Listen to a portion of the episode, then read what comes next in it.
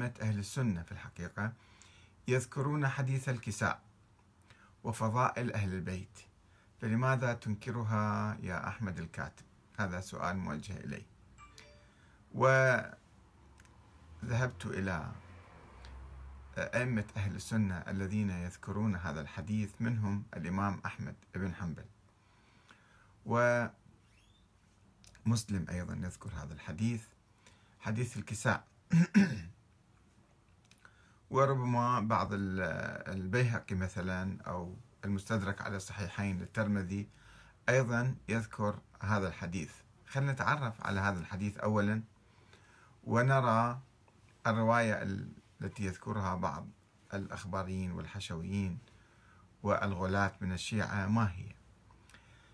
في مسند أحمد بن حنبل ما أذكركم تفاصيله يقول حديث أم سلمة زوج النبي. صلى الله عليه وسلم. باب فضائل أهل البيت أهل بيت النبي. والآخرين نفس الشيء يذكرون الحديث ولفظ ولفظ رواية أحمد. حدثنا فلان عن فلان هسه ما نذكرهم ما يحتاج يعني.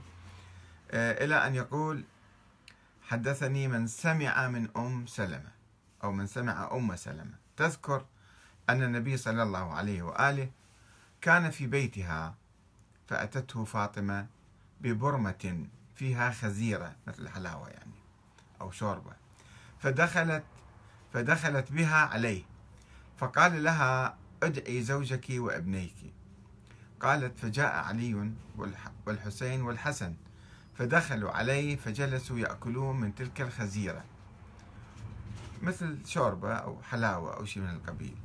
وهو على منامة له على دكان يعني مثل سرير. تحته كساء له خيبري. كساء. فرشة يعني. قالت وأنا أصلي في الحجرة.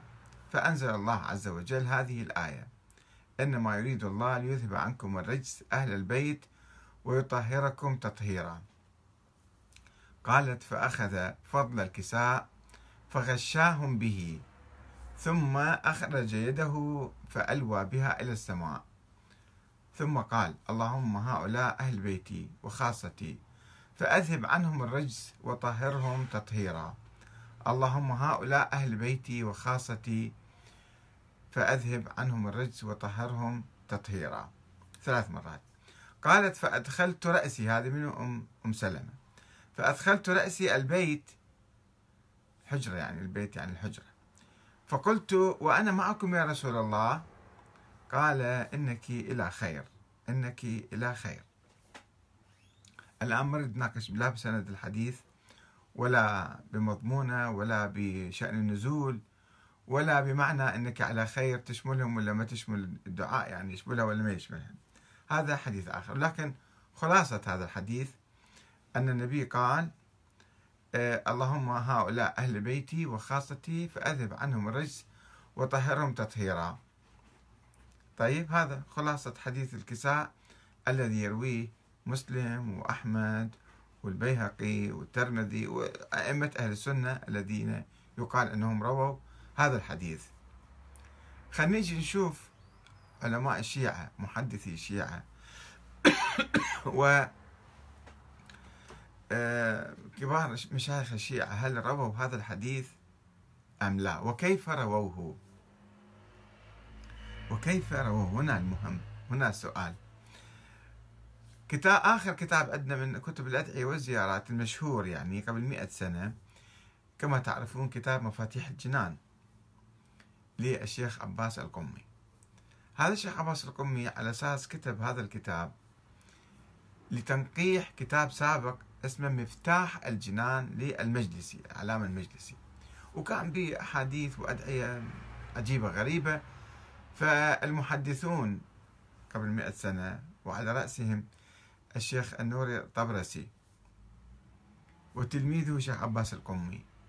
هؤلاء كانوا يستنكرون وهم وهم يقبلون روايات ضعيفة كثيرة ولكنهم كانوا يستنكرون الأدعية والزيارات وبعضها يعني الموجودة في آه، هذا الكتاب كتاب مفتاح الجنان اللي كان مشهور في القرن الثامن عشر والتاسع عشر الميلادي.